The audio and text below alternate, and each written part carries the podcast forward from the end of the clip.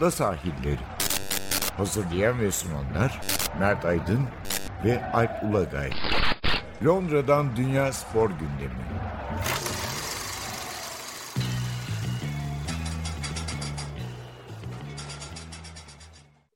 Ada sahillerinden merhabalar. Ben Alp Ulagay. Ben Mert Aydın. Sonbahar sezonuna iyi döndük. Teşekkür ediyoruz tüm dinleyicilerimize. Herhalde yaz arasından sonra gerçekten iyi bir giriş oldu bizim için. Dinleyici sayımız son derece fazla. Çünkü ara verdiğimiz dönemlerin sonunda biraz düşüş oluyor. Teşekkür ediyoruz hepinize. Bugün ne konuşacağız ada sahillerinde? İlk bölümde önce yine iki kayıp var ama kayıplar üzerinden biraz eski hikayelere döneriz. Çok kısa geçen hafta atladık Roger Hunt sonra da Bernard Tapie'ye herhalde bir uğrarız. Sonra City Liverpool maçı gerçekten müthişti. Ona kısa değiniriz. Sonra da bir Türkiye'de bu stat şehir mevzu gündem oldu. Bizim yaklaşık 3 yıldır hatta 3 yılı aşan süredir Londra'daki deneyimlerimizden biraz bu Londra'daki statlar, İngilizler bu işi nasıl hallediyor, gelenekleri nedir biraz da onu konuşacağız.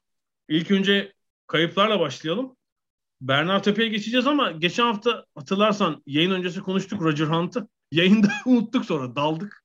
E, ya bir de yeni ölmüştü daha yani hani çok ıı, şey yapamadık o sırada. Yani tabii önemli bir kayıp ve hepsinin ötesinde 1966 takımının e, İngiltere milli takımının o dünya şampiyonu takımın bir üyesi daha hayatını kaybetmiş oldu.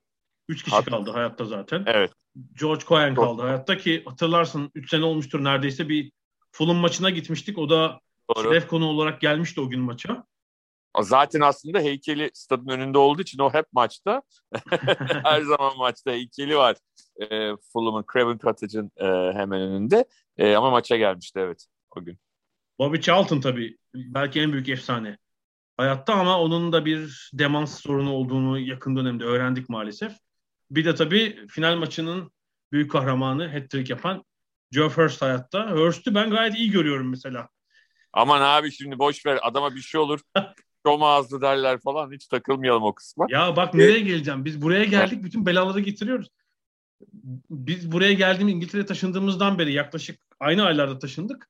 Evet. O 66 Dünya Kupası finalinde oynayan 5 oyuncu ölmüş. Ama abi bir de kazandırdıklarımıza bak. Yani full İngilizlerin olduğu Şampiyonlar Ligi finalinden tut. Şeyde e, Dünya Kupası da yarı final oynattık. Avrupa Şampiyonası da final oynadı İngiltere yani. Krikette Dünya Kupası kazandılar bak biz buradayken. Hemen araya gireyim böyle. Başka ne var? Vardır bir şeyler. Peki güzel bağladın. Rugby'de, rugby'de final oynadılar. Tamam kabul ediyorum. Güzel bağladın. ya e, şunu söylemek lazım. Aslında Roger Hunt'la ilgili e, bu arada tabii Roger Hunt aynı zamanda bir Liverpool efsanesi. Yani İngiliz e, milli İngiltere milli takımının dışında Liverpool kulübü içinde çok çok önemli bir karakter. E, onu altını çizelim. Bir de ilginç nokta onu şeyde gördüm çok e, komikti. E, BBC Match of the Day'in başında programın başında onu anmak için e, onun bir röportajından bir bölüm gösterdiler. Diyor ki 19 yani sokakta beni görenler diyor, tanıyanlar 66 finaliyle ilgili diyor iki soru soruyorlar diyor. Birincisi top içeri girdi mi girmedi mi? Çünkü o, o pozisyonda Hurst'un vuruşu direkten döndükten sonra orada en yakın İngiliz oyuncu Roger Hunt. Birinci soru bu diyor. E iki ne soruyorlar diyor e, muhabir niye topa dokunmadın, içeri atmadın? Hani iyice garantiye almadın gol olmasına diye soruyorlarmış. Çünkü Kendisi. o arkasını dönüp hakeme bakıyor ve seviniyor elini kaldırıp gol oldu diye. Evet evet.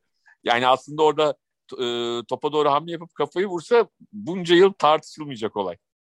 Tevfik Bayramov da kahraman olamayacak herhalde. evet yani e, aslında çok çok ilginç. Yani Roger Hunt belki dünya tarihini, polemiğini, futbol polemik tarihini değiştirebilir diyelim. Hani sonuçta o golü atsa da yani o topa dokunmadığı için İngiltere bir şey kaybetmedi. E, kupayı yine kazandı. E, ama dokunmuş olsaydı belki e, uzun yıllar bir polemikten e, yoksun kalacak dünya futbolu. Geçen hafta sana söylemiştim benim ilginç bulduğum bir nokta İngiliz milli takımından 3 kişi hayatta 11'den. Alman milli takımında ise sadece 3 kişi vefat etmiş. 8'i hayatta. Ki yani aşağı yukarı aynı yaşlardalar. Bu ba- bana çok ilginç geldi. Yani hep bu son dönemde tartışılan topa kafa vurma mevzu var ya yani oraya gitti aklım. Yani diyorum gerçekten bu İngiliz futbolcular kariyerleri boyunca işte 10 bin, 20 bin, 30 bin kez antrenmanda, maçta, sokakta topa kafa vurdukları için gerçekten bunun etkisiyle erken mi acaba? Ha, Almanlar vurmuyor mu abi? Yani hani Almanlar da hani e, şey adamlar değiller ki mücadeleden. E, bilmiyorum belki gerçekten o eski İngiliz futbolu gibi yani e, orta sayısı Alman futbolunun hani onu ölçmek mümkün değil şimdi. Hani iki katıydı. Almanlar iki katı topa kafa vuruyorlardı diyeceğim. Yani çünkü bu fark 8'e 3 biraz garip geldi. Yani sosyoekonomik olarak da çok farklı olduğunu zannetmiyorum ki. Hatta Almanlar biliyorsun yani bir kısmı savaşın ortasına doğan oyuncular. Önemli bir kısmı. Ya Beckenbauer 45 doğumlu zaten direkt Eylül yani. doğumlu. Tabii. Savaş bittikten işte Almanya savaş bittikten 3 ay sonra doğmuş yani 4 ay. Bak yani ilginç geldi. Yani sadece Tilkovski geçen sene ölmüş. Haller bir de Emerich. Geri kalan herkes zaten duyardık yani. Beckenbauer, Oferan. Biri zaten Zigihelt mesela hani şey ne Evet. derler e, Türkiye'de de tanındığı için haberimiz hemen olabilir yani. Z'ler kim bilir kaç yaşında evet. Ee, Şimdi Tabii, bakıyorum tabii. 85 yaşında. Ya Z'lerin torunu kaç yaşına geldi top oynuyor. Peki toprağı bol olsun Roger Hunt'ın. Onu da diyelim onu- ama galiba Roger Hunt'tan daha renkli, daha e, futbolun da dışına başka sporlara artı e, bambaşka e, noktalara giden bir adam. Bernard Hayat- Tapie. Evet pazar günü Bernard Tapie de 4 yıldır mücadele ettiği kanserden kurtulamadı ve hayatını kaybetti. Özellikle tabii Fransa sporu ve kültürü için önemli bir şahsiyet. Zaten ertesi gün L'Equipe gazetesi kapak artı 20 sayfa ayırmıştı. Yani hani yer ayırmalarını bekliyordum ama işte 60 sayfalık gazetenin üçte biri Tapie'ye gitmiş. Muhtemelen bir kısmı zaten önceden hazırlanmış yazılar ve eski röportajlardı. Hemen e, basmışlar onları.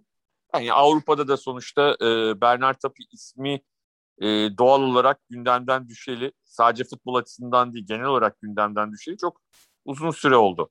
Onu söylemek lazım ama özellikle 80'lerin sonundan itibaren e, 90'ların e, belki de ortalarına kadar hani Avrupa futbolundaki söz sahibi herkesin tanıdığı yöneticilerden biriydi. Hem de ben hani e, şöyle de anlatmak istiyorum. Bernard Tapie renkli insan olarak ve politik kimliğiyle aynı dönemde, onunla aynı dönemde e, kulüp başkanlığı yapan Berlusconi'ye benziyor. Yani hani Berlusconi de sonuçta belki e, Tapie e, parti lideri değildi ama sonuçta Berlusconi de o sırada daha henüz parti lideri değildi.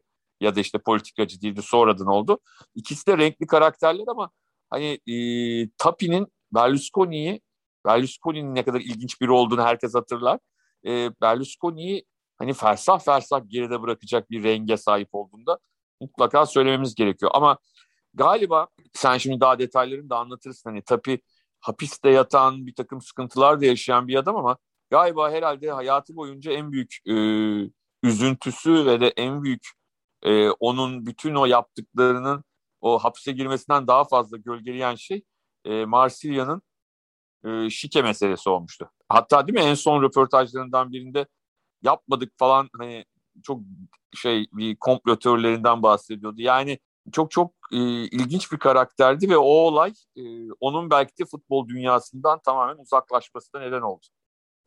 Berlusconi onunla bence Avrupa'da birebir kıyaslanabilecek kişilerden biri gerçekten ve iyi bir yere değindin. Muhtemelen o şike skandalı olmasa ya da orada yakalanmasalar mesela olay hakikaten şey tarafından polis tarafından deşifre edilmeseydi bence daha büyük siyasi hedefler kovalardı. Bu hırsta ve anlayışta birisi tabii çünkü e, milletvekilliği var, bakanlığı var. Oradan hani bilmiyorum Cumhurbaşkanlığı biraz daha uç bir Fransa'da işte yarı başkanlık sistemi var falan ama hani mesela başbakanlık öyle, böyle bir oportunist bir kişilik aynı zamanda. Muhtemelen öyle bir şey hedeflerdi. Sporda yapacağımı yaptım deyip. Çünkü işte bisiklet takımı kuruyor. Dönemin en iyi ikisi bisikletçisi Ino Le Monde oluyor. iki Fransa turu. Sonra yat alıyor. Sonra yatla Kuzey Atlantik geçişi rekoru, dünya rekorunu kırıyor. İşte o arada bir futbol takımı alıyor. Bir euro, bir frank hem de euro değil o zaman frank. Marsilya işte çöküşte problemli bir takım. İşte o takımı 7 yılda Avrupa şampiyonu yaptı. Yani arada da siyasi ilişkileri ve hedefleri var Bernard Tapie'nin. İşte Mitterrand'ın bence takdir ettiği böyle yeni tip bir iş adamı hani 80'lerde. O yüzden ona çok yakın ve Sosyalist Parti içinde de kıskanılan birisi. Böyle Adidas'ı o çok ilginç yani. Evet, evet Adidas o zaman hala tabii çok büyük ama o zaman da Tapie'nin alabileceğinden çok büyük bir şirketti. İşte onunla ilgili süren bir dava var hala. Temizi falan düşün. Aradan geçmiş 30 küsur sene yani. Adidas'ı almak o zaman şaşırmıştık gerçekten. Tapie'nin de boyunu aşan bir işti. Çünkü hani şirketi alıp büyütüp satmasıyla bilinen bir iş adamı aslında ama Adidas tabii pek o örneğe uymuyor. ee, iki sene önce aşağı yukarı tam iki sene oldu. Kanserin tam ortası diyelim çünkü 2017'de yakalanmış mide kanserine. Lekip daha doğrusu bir belgesel yaptı. Belgeselin sonunda da bir yarım saatlik röportaj. Yani böyle bir buçuk saat ya da bir saat on dakikalık bir belgesel. Yarım saatlikte bir röportaj evinde, Paris'teki evinde. Belgesel ilginçti tabii. Yani özellikle beraber çalıştığı teknik direktörler, futbolcular biraz yani yaka sikmişler gerçekten. Çünkü yani sabah 3'te arayıp şey diyebiliyor. Yarın Boli oynatalım. Sozya oynatma falan diye. Arıyor yani 3'te ve şey istiyor tabii. Çok talepkar bir kulüp sahibi. Yani başkan değil kulübün sahibi o. Ve işte şöyle yapalım. Yedek kulübesinde oturuyor. Oyuncu değişikliğini yaptırıyor, yaptırtmıyor. Her işe karışan bir kulüp sahibi gerçekten. Zırt pırt antrenör değiştiriyordu zaten. İşte o takımı Marsilya Avrupa şampiyonu yapmak için çok çabaladı gerçekten. Benim belgeseler tekrar görünce onun için sembolik bulduğum bir an var. İlk kez Marsilya işte Fransa şampiyonu olmuş. İkinci sene ligde şampiyonlar gidiyor. Eski Şampiyon Kulüpler Kupası'nda yarı final oynadılar. Benfica ile bu eski Luz evet. stadında böyle 110 bin... 50 atmıştı değil mi? Bayağı bir hakem şeyiyle yenilmişler. Tabii tabii 110 bin kişilik falan. Bitime 7 dakika kala yani 0-0 yeterken onlara Vata diye bir oyuncu elle evet. atıyor golü. Hatırlıyorum hiç. Ee, çok çok. Be- Belçikalı hakem de görmüyor. Sonra ben hakikaten baktım pozisyona. Yani önde 3 kişi var göremez hakem gerçekten. Yani oyuncunun sahtekarlığına kalıyor iş. Büyük itiraz falan. O maçtan sonra maç sonu röportajları herhalde Fransız televizyon röportaj yapıyor. Diyor ki evet diyor ben kulüp yönetimi, takım yönetimi, transferler bu konularda bazı şeyler ilerledik ama bir şeyi çok iyi anladım diyor. Bir de diyor kulis yönetimi var diyor bu işin. Çok iyi anladım. Bir daha olmayacak diyor. Tam tabii anlatan bir söz yani. Bir daha diyor böyle bir... Sonrasında da e, yine finale kalıyorlar. E, Kızıl Yıldız'a kaybettiler finalde penaltılarla. E, ama 93'te Şampiyonlar Ligi'nin ilk sezonunun finalinde e, daha doğrusu resmi ilk sezon hani ondan önceki yılda biz hani geçen hafta aslında başladığı o sezon olmalı diyorduk ama 92 için 93'ün finalinde e, efsane Milan'ı e, mağlup ederek Bolli'nin golüyle kupayı kazandılar. Lakin lakin yani şöyle, o maçtan o final günde şöyle ilginçtir. Normalde tabii hani benim bir şampiyon kulüpler kupası ya da şampiyonlar ligi finalini kaçırmam düşünülemez. Ama o İstanbul'da Guns N' Roses konseri vardı. Meşhur stat konserleri senesi. Ben evet. o akşam konseri tercih etmiştim. Ama kötü bir maçtı. Evet, yani sonra tabii maç, hani zaten. o akşam izlediğim ne zaman sonra maçın tamamını izledim hatırlıyorum. E, tatsız bir maç olmuş yani. Hatta Marsilya... şu ben sana e, 91'deki Marsilya Kızıl Yıldız maçında Marsilya çok daha iyi oynamıştı. E, ama Kızıl Yıldız çok yetenekli o, o efsane Kızıl Yıldız takımı defans yapmıştı bütün maç. Hani penaltılara bırakmaya çalışmışlardı.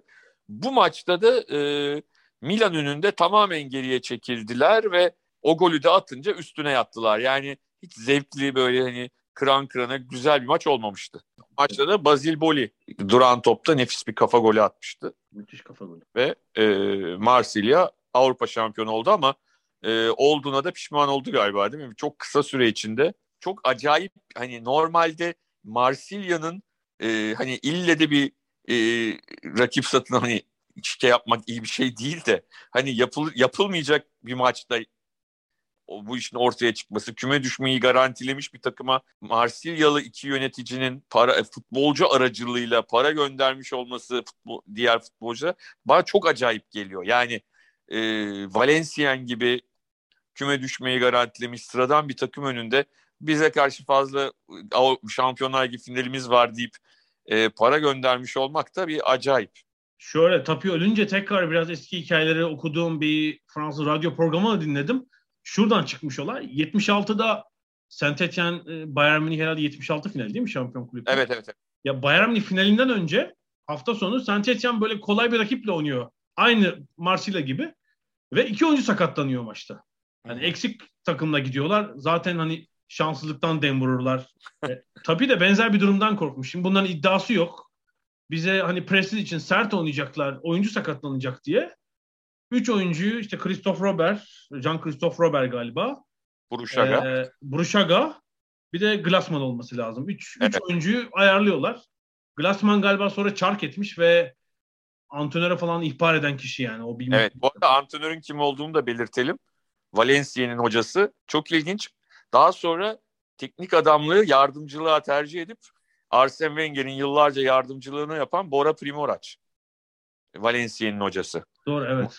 Sonra e, yani asıl ilk patlama olayı şöyle oluyor. Maç hatırlarsan maç bittikten sonra maçı 1-0 kazanıyor galiba e, şey Marsilya. Çok acayip bir açıklama yapıyor Primorac. Bir, bir şey olduğunu hissettirecek şekilde. E, Robel'in mi e, kayınvalidesinin evinin bahçesinden paralar çıkıyordu falan. Öyle bir şeyler hatırlıyorum. Evet evet. Onun kayınvalidesinin evine bahçeye 200 bin frank mı saklamışlar, gömmüşler. Korkunç yani. Bir de galiba polis şeyi yakalıyor. Maçtan önceki akşam e, Jean-Pierre Bernes vardı işte Marsilya'nın idari direktörü yani. Üçüncü, üçüncü adamı. O oyunculardan birine telefon ediyor. O şeye takılıyor bir şekilde. Marsilya de aracılık mı yapıyor futbolcu? Bir, bir, öyle bir şey de vardı. Tabii tabii. Şöyle e, Eydeli vardı Marsilyalı. Robert'le Glassman'ın galiba Nant altyapıdan takım arkadaşı. Hı-hı. Bu da şey yapan kişi. E, aracılık yapan. Çünkü onda şey diye tehdit ediyorlar. Yani yardım etmezsen seneye bu takımda olur musun bilmiyoruz. Tam tapu yöntemleri işte yani. Böyle yani o kadar bu hukukun sınırlarını da zorluyor demeyeceğim. Yani tamamen hani şeyi seven böyle düzenbazlıkları seven de bir. O, o şekilde yani. Götals'tı değil mi hoca o zaman? Raymond Götals. Evet evet evet. Ondan sonra o da 150 yaşında falan da o zaman. Sonra onu gönderip Beckenbauer'i mi getirmişti? Böyle çok enteresan şeyler yapmıştı. Yo, şeyi yolladı. Önce şey, miydi o? E, Gerard Gilles vardı. İki kere ha, şampiyon Gerard... yapan. Adamı kovdu. Beckenbauer'i getirdi Ekim ayında. O evet. Maradona'yı almak istiyorlardı 1990'da bu arada. Tabii tabii. Be- Beckenbauer geldi tabii ile çalışılır mı Allah aşkına? Oğlum ta- çalışamadılar. 3 ayda onu yolladı. İşler yürümedi. Ozcek falan da galiba orada. Yardımcısı olarak oradaydı herhalde. Sonra işte kurtarıcı Götals geldi. O da Fransa Ligi. Fransa Ligi'ni biliyor. Bordeaux'un antrenörü antrenörü ligi biliyor. Zaten Belçikalı falan. İşte o iki kere final oynattı. Evet, Valencia şey maçından oldu. sonra iki yıl süren bir dava var. İki, iki Orada bir şey daha oldu. Şampiyonlar Ligi'nde de grupta 6-0 biten bir CSK Moskova maçı vardı. Evet. evet. O maçta da buna benzer bir olay olduğu iddiasıyla bir soruşturma açıldı. Eğer o soruşturma aleyhine sonuçlansaydı Marsilya'nın kupayı Marsilya'dan alacaklardı. Marsilya'dan kupayı almadılar şampiyon kulüpler Şampiyonlar Ligi kupasını. Türkiye'de hep yanlış bilinir bu. Almadılar ama e, UEFA Süper Kupa ve Dünya Kulüpler Kupası finalleri oynama hakkını elinden aldılar. Ve de bir sene sonra zaten hani Şampiyonlar Ligi'ne katılması zaten engellendi. E, kupayı kendi kazandığı kupayı e, koruma şansını e, kaybettirdiler. Ama Şampiyonlar Ligi şampiyonu hala Marsilya 93 yılında. Tapi'nin spor yani hala ilk ve tek Fransız Avrupa şampiyonu olması da işin matrağı yani. Bir sürü Fransız finalist takım var ama hiçbiri kazanmayı evet, başaramadı. Yani el, işte 50'lerde Stade Reims var, sonra Saint Etienne var, Monaco 2004'te oynadı falan. Bir türlü başka bir Fransız takımı kazanmayı beceremedi. ilginçtir. Ee, neyse çok uzatmayalım. Tabii her anlamıyla çok ilginç bir karakter. Yani yani şarkıcılığı, oyunculuğu falan da tabii, var tabii, yani. Tabii. Televizyon satıcılığından şarkıcılığa, oyunculuğa kadar her şey var. Bir de biliyorsun Fransa'nın işte aşırı sağcı faşist partisi, ulusal cephenin o zamanki lideri Jean-Marie Le, Pen, Le Pen'in karşısına televizyonda açık oturuma çıkacak kimseyi bulamıyor Sosyalist Parti. Çünkü işte tamamen bir demagog yani. Onun karşısına tabii ben çıkarım diyor ve baya baya hırpalıyor yani Le Pen. Anca işte onun hakkından o gelir diye Sofi'yi yolluyorlar bir açık oturumda. O tabii bütün hazır cevaplılığı ve ukala, ukalalığıyla. Yani ba- şöyle diyeyim e, adam bir hareket yapıyor çok hani hoşumuza gidiyor bunun gibi mesela ama öbür taraftan başka bir hareketiyle de yani bu adamın sporun içinde işi ne, ne yapmaya çalışıyor, ne ha yani çok ilginç bir adam. Hani kızsan mı, e, sevsen mi belli değil yani. Çok enteresan bir karakter. Maalesef İngilizcesini öneremiyorum. Lekib'in YouTube kanalında sanıyorum coğrafya engel de yok. O belgesel duruyor ama baktım sadece Fransızca ve Fransızca altyazılıymış. Yani Fransızca bilenlere en azından tavsiye edebilirim 2019'daki belgeseli. Son onunla bitireyim. İşte bütün bisiklet, şu bu soruyorlar. Hayatınızda en çok, en mutlu olduğunuz mu, gurur duyduğunuz mu an gibi sordu. Şey dedi, Fosya teknesiyle Kuzey Atlantik geçişini kırdığımız yat serüveni dedi. bütün ya Marsilya Avrupa şampiyonu falan hiçbiri değil. O yat çünkü şey dedi. Ben bizzat yarışıyordum dedi. Teknedeydim. Evet. Yani yattaydım.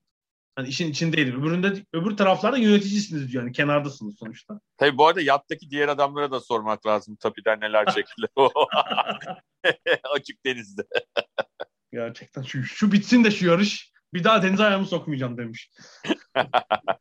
Peki bu anla bölümü pek şey oldu. Tapinin ardından neşeli oldu tabii kişiliği dolayısıyla. Bir ara verelim. Premier Lig'e ve Londra'ya uzanacağız.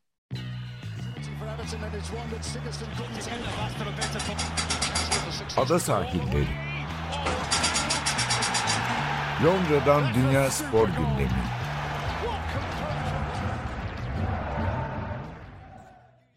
Ada sahillerine devam ediyoruz. Premier Lig'e dönelim biraz. Çok haftayı çok uzatmayacağız. Çünkü sonra biraz Londra'daki stat ortamına ulaşımı onu konuşacağız o mevzuyu. Hani buradaki durum ne diye bilmeyenler için. Premier Lig'de ise ya acayip bir maç vardı pazar günü haftanın son maçı. Belki bir 5 dakika ona değiniriz.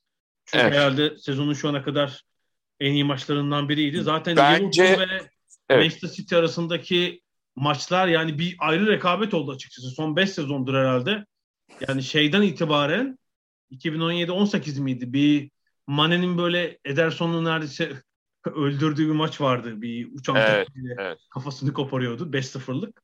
O, o maçtan sonra iyice böyle ateşlenen bir eşleşme yani bir maç oldu açıkçası. Ama temiz eşleşme yani ateşlenip hani e, ne bileyim kavgaslarıyla ya da işte saha içindeki gerginliğiyle değil sahada oynanan futbolla.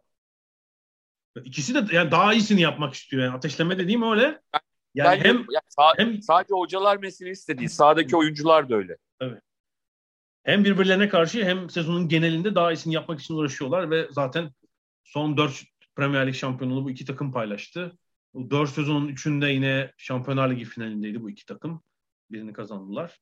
Sürpriz değil yani böyle olması ama gerçekten ilk yarı da fena değil ama ikinci yarıda tabii goller de gelince evet. çok acayip ya ben, bir maç oldu. Ben erken konuşacağım. Bence sezonun maçı bu olur. Yani bundan daha iyi bir maç olmayabilir sezon kadar. Ya öyle düşünüyorum. öyle söyleyeyim. Dediğim gibi ilk yarı biraz tek taraflıydı. Yani City çok ağır bastı maçın ilk yarısında. Yani belki City, Kane ya da herhangi bir e, Danny Ings bile olabilir. Santrfor'a sahip olsa e, belki de maçı ilk yarıda bitirebilirdi deplasmanda. Ama ikinci yarıda hakikaten çok iyi bir Liverpool'da vardı ve hani hem dört gol ve dört gol de çok güzel hazırlanışıyla, atılışıyla hem de e, hakikaten iki takımda kendi oyun tarzını ya da hocalarının e, felsefesini en iyi şekilde, en doğru şekilde sahaya yansıtmayı başardılar ve e, seyri çok zevkli, e, müthiş e, bir karşılaşma izledik. Ve 2-2 biterken dediğim gibi çok çok güzel. Hani benim çok hoşuma giden senle de maçtan sonra paylaştım. Yorumlardan bir tanesi bu Salah'ın meşhur golünde yani, gerçekten hani anlatıl izlenir anlatılmaz izlenir bir gol yani Salah'ın attığı gol. E, o golde işte üç tane City'li oyuncuyu sağ hani sağa sola yatırıyor. Çalım atarak geri Neville'dı maçın yorumcusu dedi ki bakın dedi ağır çekimli ya bu bu arada dedi şunu hatırlatayım dedi. Şu anda dedi Salah'ın dedi sağa sola yatırdığı adamların hepsi dedi dünya çapında savunma oyuncuları dedi. Ama dedi ve de dedi e, Manchester City zor gol yiyen bir takım dedi. Ama şu anda dedi hani Salah'ın büyüklüğü karşısında teslim olmuş durumdalar. Ya da büyüklüğü demeyelim de e, ne diyelim brilliance'ı nasıl çevirebiliriz? Hani parlaklık ama yani tam Türkçe'de tam... E, Türkçe'de öyle kullanmayız çünkü evet. Ya yani. büyüklük de abi sanki hani belki şey olabilir, e, güzel olabilir. Ondan sonra hani ona teslim oldular dedi. Yani yapabilecek hiçbir şey yok. Yani adam topu alıyor ve o kadar temiz çalımlar atıyor ki ve de hani e, dediğimiz gibi çalım attıkları oyuncular sıradan oyuncular değil yani. Tabii yani o yani hakikaten... o beşli arasında kaleciyi de say. Yani evet. 6 kişi aksiyon 6 stili oyuncu aksiyonun içinde Portekiz, İspanya, İngiltere ve Brezilya milli takımının oyuncuları hepsi. E, ama diğer taraftan hani City'nin attığı gollere de bakıyorsun. Mesela Phil Foden maçın en iyilerinden bir tanesiydi. Hem çok güzel bir gol attı. E, hem de hatırlarsan Euro 2020'ye girerken e, çok iyiydi ama sonra Euro 2020'de belki de hani e, o parlaklığı sönenlerden biriydi. Biraz sakatlıkta o da bu da vardı. E, ama yeniden hayata dönüş maçlarından biriydi Phil Foden'ın. Çok böyle soğukkanlı bir gol attı. Yani çok kolay bir yerden e, o vuruşu yapmadı. Çok çaprazdan e, ve karşısında çok iyi bir kaleci varken e, yani neresinden bakarsak bakalım çok çok klas bir maç oldu. Üstüne maçtan sonra Guardiola'nın e, sarıldıktan sonra e, geri dönüp önce tam ayrılırken yanına çekip yanağından Klopp'u öpmesi de ayrı bir komediydi yani. yani iyi anlamda çok güzeldi. Çok Buse'sini güzeldi. aldı. Buse'yi evet, aldı. Buse'yi aldı. Tabii zaten bir gün önceki basın toplantısında Guardiola şeyi söylemişti hatırlarsan. Yani çok şey borçluyum aslında hani kariyerimde e, Klopp'a ve Liverpool'a diye. E, Klopp'a özellikle çünkü Dortmund hani Bayern Münih'teyken de Dortmund'da e, karşılıklı şey yapmışlıkları var. Yani sonuçta ikisi de birbirini daha iyi olmaya teşvik ediyor. Bu bence çok önemli. Yine hatırlarsın Liverpool Şampiyonlar Ligi'ni kazandığı sene City 100 puan mı almıştı? %98 mi bitmişti lig? 98'e ee, 97 bitti galiba. Ya da öyle bir şey. Evet, ee, hatta e, Klopp şey demişti maçtan sonra Guardiola beni aradı maç biter bitmez. Var mısın seneye de yine bu sefer 100 puan yapalım falan hani birbirimizi bir şekilde ilerletelim diye. Yani çok e, güzel bir rekabet var ve dediğim gibi saha içinde de e, iki takımın oyuncuları sadece sahada top oynamayı düşünüyor. Yani futbolu düşünüyor e, ve hocalarının verdiği taktiği düşünüyor. Bence bu e, bu yüzden de e, maçı izlemek çok zevkli. Hani futbolun dışına çıkmayı kimsenin düşünme kimse düşünmediği zaman e, çok çok daha rahat e, o karşılaşma izleniyor. O anlamda da dediğim gibi çok çok e, önemli bir bence bir klasik izledik. Yani hani ilerleyen yıllarda Premier Lig'in klasiklerinde e, öyle programlar olduğunda mutlaka bu maçta olacak diye düşünüyorum. Ben bir günah çıkaracağım. Bir geçen sezon sonu şey diyordum. Hatta geçen belki bir sene. Yani Salah iyi ama işte yaşı da 29 falan. Hani işte yollasınlar Mbappe'yi alsınlar. Yani şimdi şu, şu sadece bu maç değil. Yani son bir buçuk aylık formu gösterdi ki daha tabii çok çok iş var Salah'ta. Yani bu, bu sene muazzam. Şampiyonlar Ligi artı lig. Tabii 9 maçın 8'inde gol attı. E, Mane'ye de çok güzel bir gol attırdı.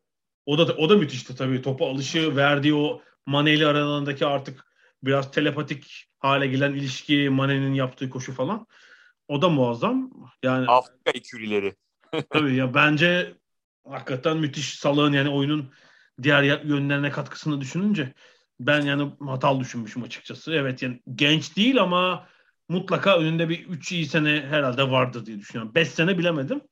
O da zaten bir yeni sözleşme kovuluyor. Hep bu geçen yıldan beri sorulan soru. Çünkü 2023 yazına kadar mukavelesi var. Yani iki sezondan biraz daha az kaldı. Tabii Elbette bu sözleşmeyi uzatmak isteyecektir. Orada Liverpool'un biraz işte City'den belki Chelsea'den United'dan farklı olarak bir farklı maaş skalası var. Onu bir şekilde delecekler mi? Çünkü talebi ya. bir de son yaza bırakırsanız işte şey Mbappe'de olan durum oluyor. Yani son son sezon artık bütün kozlar oyuncunun eline geçiyor. Yani tabii, tabii. bu sezon içinde bir yerde sözleşmeyi uzatmaları lazım. Yeni sözleşme yapmaları lazım. İşte 2026'ya kadar mı olur? 27'ye kadar mı? Artık 26 diyelim. Öyle bir sözleşme herhalde olacaktır diye tahmin ediyorum. Talebi 350 bin sterlinmiş haftalık. Şu an 200 bin alıyor.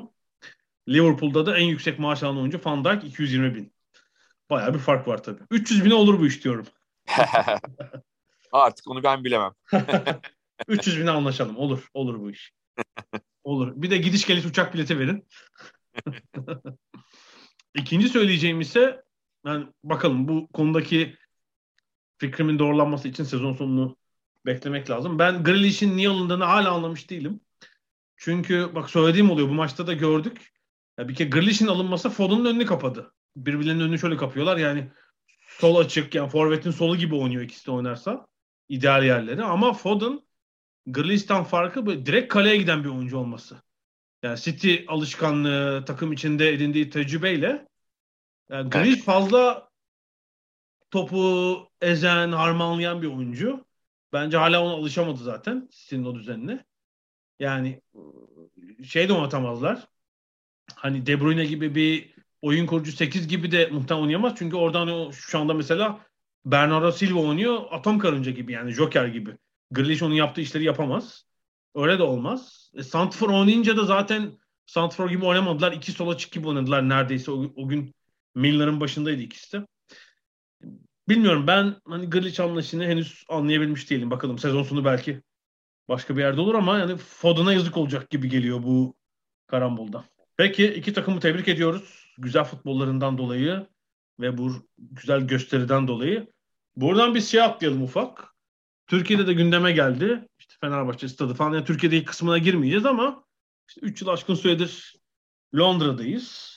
Ee, ve Londra'nın altısı Premier Lig'de olmak üzere bir sürü profesyonel takımı var. İşte 6 Premier Lig, 3 galiba Championship'te var. İşte ikişer de alt liglerde ki civar takımları da saymıyoruz. İşte Watford hani Londra takımı sayılmıyor falan. Galiba 9'una falan gitmişim.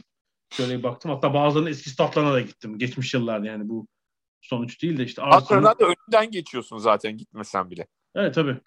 Yani Arsenal'ı, Tottenham'ı, West Ham'ı, Queen's Park Rangers'ı, Brentford'ı, Chelsea'yi, Fulham'ı, Charlton'ı ve Crystal Palace'ı. Brentford neredeyse senin evin yanı ya. Yok o kadar değil tabii ama şimdi daha da yani, yani bir durak daha da yaklaştı. Ben eski statlarına gitmiştim. Evet. Griffin Park'a. Şimdi yeni statlarını henüz görmüş değilim. E, Watford'a da gittim. Londra takımı sayılmasa da çoğunu görmüşüz. Yani bazıları işte Tottenham, Arsenal, West Ham zaman içinde yenilediler. Bazıları farklı yerdeki bir yeni stada geçtiler ama kimileri de işte Queen's Park Rangers gibi, işte Chelsea gibi, Fulham gibi çok uzun süredir aynı konumdaki statta oynuyor. Hatta çok Fulham'ın biliyorsun John Haynes tribünü evet. 20 yıllık falan herhalde o tribün. Hiç değişmemiş. Tahta tahta koltukları hala durur. Yan tribünlerin biri yani. Nehir tarafındaki değil de yol tarafındaki Aha. tribünleri, yan tribünler. Yani şunu görüyoruz Londra'daki yılımızda. Yani tabii bu futbol buranın böyle artık kılcal damarlarını işlemiş bir evet. parçası İngiltere kültürünün. İşte kulüpler zaten 120, 130, 140 yıllık. Londra'da da öyle. Bundan 80-90 yıl önce bile 70-80 bin kişinin maça gittiği, maç izlediği dönemler var. Yani e, radyonun, televizyonun olmadığı, tribünlerin de böyle koltuksuz olduğu, silme doldurulduğu dönemlerden bahsediyorum. Yani çok alışıklar tabii, tabii bu kültüre. Evet. Modern dönemde de Londra aşağı yukarı herhalde 1970'lerden beri nüfus pek artmamıştır tabii. Böyle bir şansları var yani. İstanbul'la farkları bu.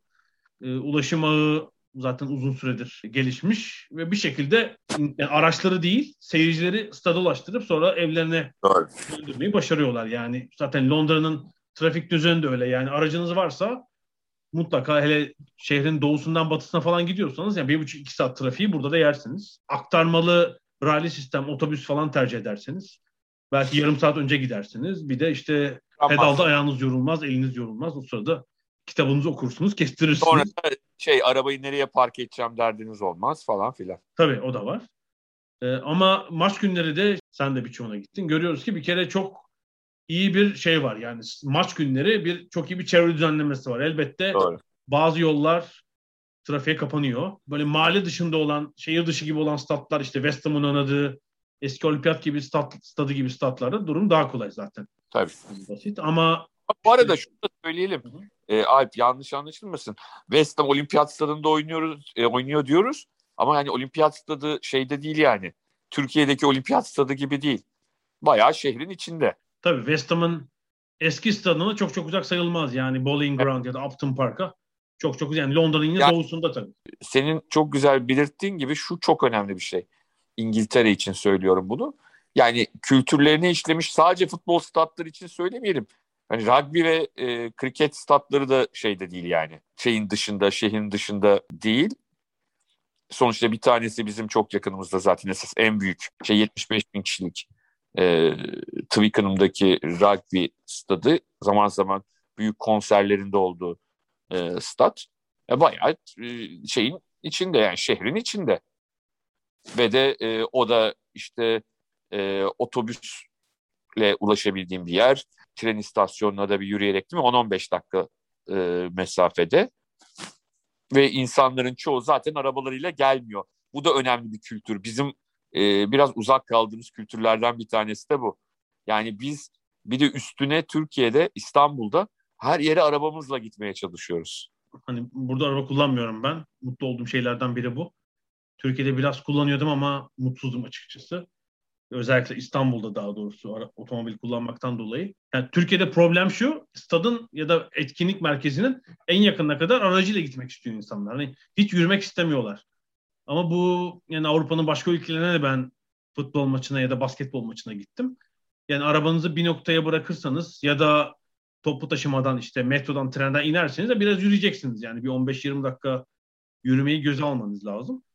Ee, yani maç, maç çıkışlarında tabii Londra'daki statlar hayli büyük. Yani Arsenal'ın stadı 60 bin kişilik. Tottenham'ınki herhalde şimdi öyle. Ee, West Ham'ınki öyle. E, Wembley'e maça gittiğinizde orası 90 bin kişilik. 90 binden fazla. E, çıkışta tabii biraz kalabalığın içinde kalıyorsunuz. Eğer hani 85'te falan çıkmazsanız metro kuyruğunu, metroya gidiş kuyruğu sonra da metro kuyruğunda, tren kuyruğunda biraz kalacaksınız. Ama benim orada en çok dikkatimi çeken şey bu stat çıkışlarında o binlerce seyircinin kendi haline bırakılmaması. Yani gayet kontrollü biçimde topu taşımaya yönlendiriliyorlar. Çok kalabalık oluyor oldukları yerlerde biliyorsun o sarı gelekli görevliler polis değil.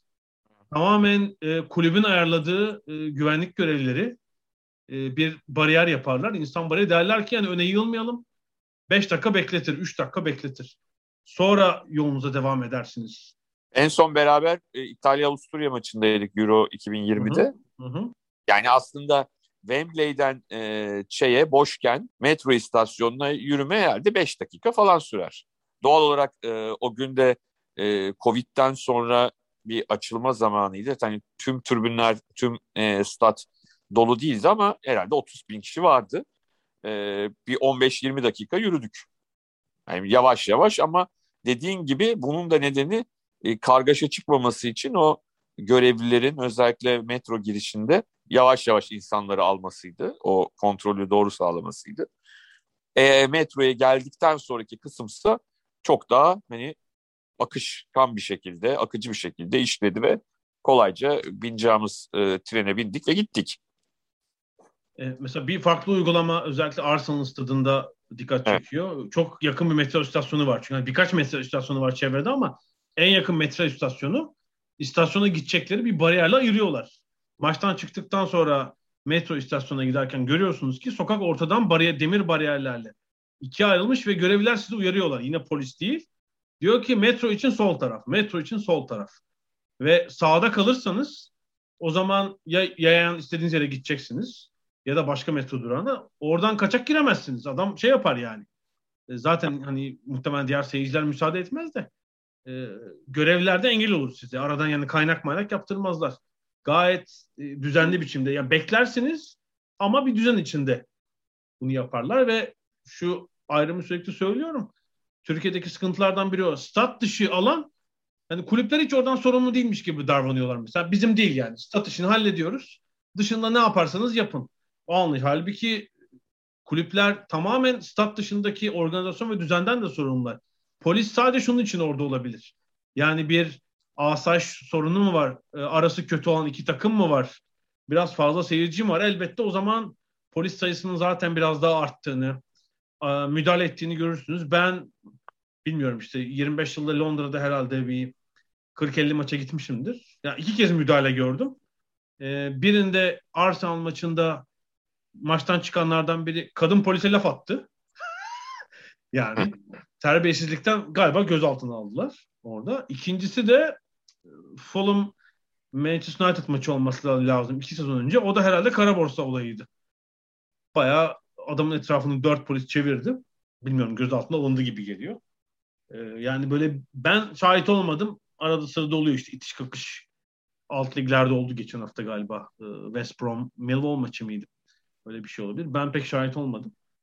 Ee, bir de işte Manchester United Liverpool olduğunda bir farklı hava olduğunu görüyorsunuz. Yani işte Fulham, Manchester United ya da West Ham, Liverpool evet. olduğunda hani West Ham'ın başka bir takımla oynadığından daha farklı bir hava oluyor. Yani polis de daha fazla oluyor.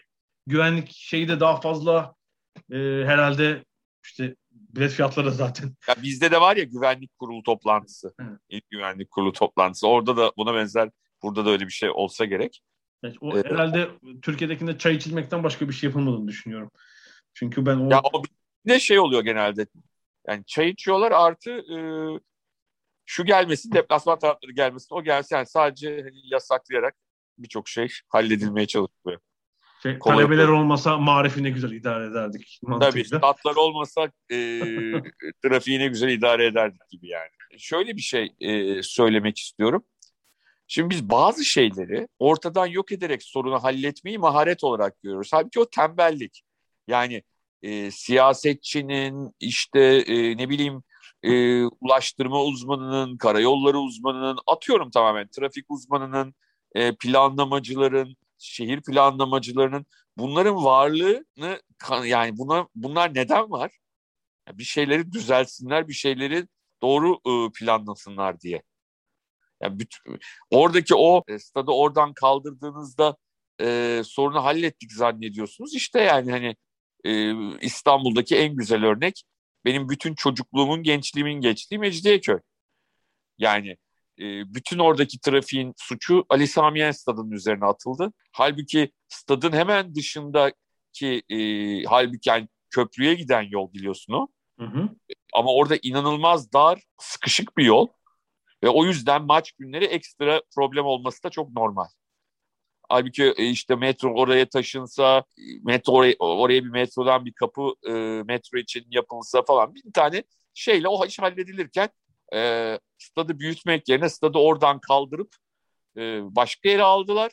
E, her gün orada yaşamıyorum artık. E, arada bir hani Türkiye'ye gidince de oradan geçiyorum ama hani trafiğinde bir azalma bir şey yok. Bir şey görmüyorum yani bir, bir gelişim görmüyorum yani. Oradan Ali Sami kalktığı için insanlar daha rahat hayatlarını sürdürmüyorlar. Tabii Londra'da da işte iyice böyle mahalle arasında kalan çünkü Hı. bir sürü statların çevresinde e, evler var. İşte o maç günü yolunuz kapanıyor. Bir sürü biliyorsun stada yakın seyyar büfeler açılır. Birisi gelir böyle e, panelvan gibi bir şey çeker. Köfteci, hamburgerci falan. Doğru. İngiltere olan bir şey. İşte öbürü kaşkolcu açar bir tanesi hatıra fotoğraf satar, maç programı satar falan. Yani o stadın civarında otursan belki hoşuna gitmeyebilir tabii. Yılda hani o 20-25 gün blokesin olabilir ama hani dediğim gibi statların önemli bir kısmı işte 100 küsur yıldır aynı noktada olduğu için hani ev ev muhtemelen birkaç kere ev de, el değiştirmiştir. E, alanda bunun herhalde e, farkındadır diye düşünüyorum. Bir tek ya, o böyle zaten... bir şey oldu. Chelsea o... biliyorsun stadını yenilemek istiyordu. Sonra o izni kullanmadılar herhalde Abramovich'in problemleri sebebiyle.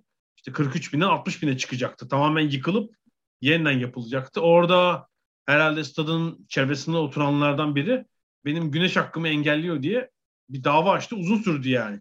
İzin almayı geciktiren bir itiraz oldu. Sonunda sonuçlandı bilmiyorum yani kulüpler aralarında mı hallettiler? Nasıl sonuç çözülmüştü o Bir sorun? de şu var o kulüplerin özellikle hani hani Arsenal, Chelsea gibi kulüplerin değil de daha alt gruptaki kulüplerin birçoğunun da e, taraftarı vardı. Yani o stadın çevresinde o bloke olanların bir kısmı zaten o gün maça da gidiyorlardır. Ya ben şahit oldum. Bak ya Crystal Palace adam stat'tan çıktı karşı eve girdi.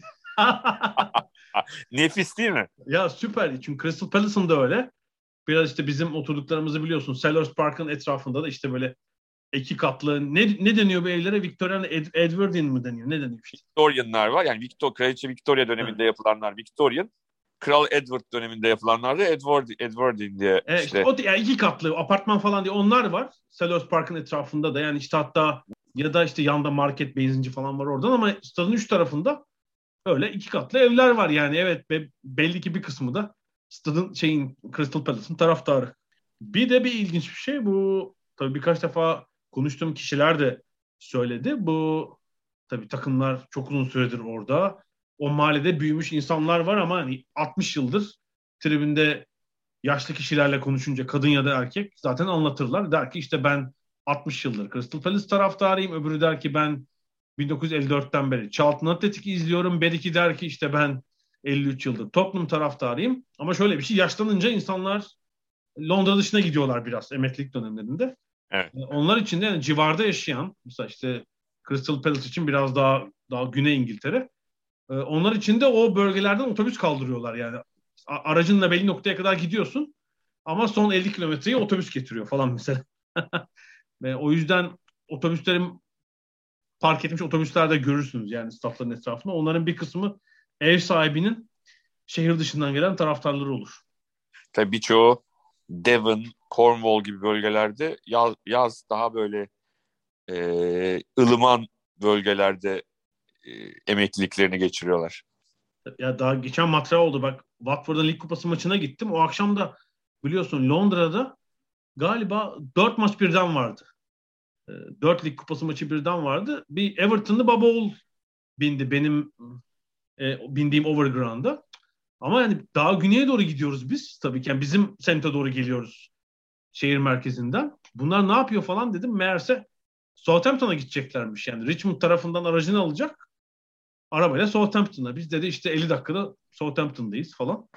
Ben hani Everton tarafta olunca otomatikman Liverpool şehrine dönecekler falan diye düşünüyordum. Hayır, öyle de var. Sonuçta Londra'da da yani Türkiye'de nasıl var? Evet. İşte, e, bir başka bir ilden gelmiş. Burada evet. da benim bizim burada da e, tanıdığımız insanlar arasında başka şehirlerde doğup büyümüş o yüzden de o şehirlerin takımını tutan insanlar da var doğal olarak. Şimdi bu örnekten bir şey daha bunu daha önce konuşmuştuk. Bak salı akşamı dört maç dedik Londra'da. Çarşamba akşamı da lig kupasıydı ama dört maçta çarşamba akşamı vardı galiba ama Premier Lig'de de sık sık olur mesela. Cumartesi günü Londra'da üç maç. Chelsea, Arsenal, West Ham. Trafik kilit diyorum Türkiye'de, İstanbul'da olsa. Biliyorsun Türkiye'de müdahale edilir aynı gün o maç olmaz. Yani niye olmasın? Yani bu beceriksizliğin itirafı zaten. Yani yapamıyoruzun itirafı. Gayet de güzel oluyor işte. Yani Ama abi güzel... İstanbul'da bütün o statları kaldır, hepsini şehir dışına at. Of. Şöyle yapalım o zaman. Biri Beykoz, biri Beykoz böyle ama şeye Karadeniz kıyısına. Biri Çatalca. öbürü de Tuzla'ya olur mu? Abi olur da o statlar yenileri yapılana kadar oralar da dolar. Tabii evet. Yani en azından İngiltere kültüründe gördüğümüz üzere yani şehir içindeki statla da bu iş oluyor. Oluyor. Mutlaka dünyada başka örnekler vardır. Özellikle böyle yapılan devasa statların bir kısmı işte Paris'te olduğu gibi Atina, Paris. Onlar hani şehir dışındalar. Hani biraz daha uzun bir metro ya da banliyö treni yolculuğuyla gidiliyor ama bir sürü şehir içi örnek de var. Ve bir şekilde organize olunca yani burada konu kulübün, belediyenin ve emniyetin beraber bir iş, bir işbirliği yapıp organize olmasıyla alakalı. Ya bir de şöyle bir şey var. Şimdi geçen gün kim yazmıştı? Yine tanıdığım bir arkadaşımız yazmıştı. Haklı olarak. Yani her ülkeyi, her şehri İstanbul'la karşılaştıramayız. Ama Londra İstanbul'la e, büyüklük ve nüfus anlamında çok rahat karşılaştırabileceğimiz bir şehir. Yani bazı e, işte Almanya'daki şehirlerin nüfusları hepsi çok küçük. Tabii Avrupa'da ne var işte? Paris, Moskova, Londra, İstanbul. Hani bu tip Tabii. Bu seviyede yani metropol nüfusu böyle 10-12 milyon, 15 milyon olan işte dört şehir var zaten. Diğerleri orta boy kalıyorlar bunlarla kıyaslayınca. İşte ancak dördüyle belki yap, dört arasında yapılabilecek e, bir kıyas. Ya hatırla e, Alp beraber gitmiştik hatırlarsan 20 sene önce. Yani Enfield'a gittik. Hı hı hı. Abi yani stadın yanında evler var. Şehrin içindeyiz yani. Liverpool küçük bir yer. Ama orada da şehir dışına çıkarmamışlar yani. Arada büyüttüler de yani biz e, gitmemizden beri bir 10 bin büyüdü. Şimdi bir 6 bin kişilik daha büyütme çalışması olacak. Yani stadın işte, yerini değiştirmeyi düşünmüyorlar. Zaten Goodison Park da çok yakınındaydı o zaman hani gittiğimiz zamanı söylüyorum. Ha şimdi işte Everton çok eski stadı. Everton'ın kaç yıllık herhalde işte 125 yıllık falandır. Beraber oynuyorlarmış ya Liverpool'la. Evet, evet. Aynı statta. İşte ben gittim hakikaten eski ama stadın dışı da müze gibi. İşte 3 sene oldu neredeyse gidildi. Şimdi Everton işte yeni stat yapacak. Goodison Park'ı büyütmüyorlar. Çünkü işte hedef 60 bin. Yani orayı büyütme imkan yok. Gerçekten çok dibinde evler var yani. Hani e, kaldırımlar da dar. Karşı sokaktaki pub yani uzanıp alırsın birayı öyle. o, kadar yakın yani. Yan tribünlerin arkasındaki evler falan. E şimdi mesela limana yapıyorlar. Şehrin göbeğine yeni stadyum yapıyorlar ve çevre düzenlemesi. Yani kimse herhalde şehir dışında kuzeye bizeye git teklifi yapmamıştır Everton'a diye düşünüyorum. Kültürü alakalı ama Türkiye'de de hani bazı statların çok uzun süredir aynı yerde olduğunu düşünürsek. Ee, ama az sayıda stat kaldı galiba aslında. Bütün Anadolu'daki statların da yerleri değişti bildiğim kadarıyla çoğunu. Var mı Londra ile ilgili başka söyleyeceğim bir şey? Valla bugün yağmur yağmadı. Söyleyeceğim o kaç gündür yağıyordu. Bugün yağmur yağmadı biz yayını yaparken, kaydı çek yaparken. evet bir istisna Londra için. Londra ile ilgili bunu söylemek istedim. yani Londra statlarında eskiye göre en büyük fark herhalde aşağı yukarı tüm statlarda belki hepsinde tribünlerin üstünün kapalı olması. Yani böyle çok yağmur yağan bir yerde çünkü eski fotoğraflara bakıyorsunuz. Bundan 30-40 yıl önce bile öyle özellikle kale arkaları açık. Yani evet. kış aylarında geçen cumartesi de bir kez şahit olduğum üzere o yağmuru yerseniz Tabii. ne olur kestiremiyorum. Şimdi öyle bir gelişmiş düzenli yapı olduğunu söylemek lazım. Sanıyorum böyle Londra'daki stat ve maça gidiş, maçtan dönüş kültürü. Haftaya tekrar beraber olacağız. Gelecek haftaya kadar görüşmek üzere diyorum. Hoşçakalın. Hoşçakalın.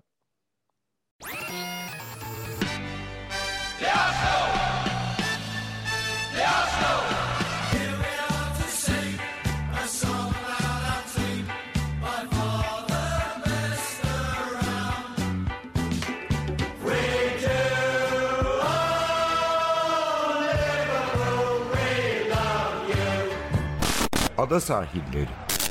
Hazırlayan ve sunanlar Mert Aydın ve Alp Ulagay. Londra'dan Dünya Spor Gündemi.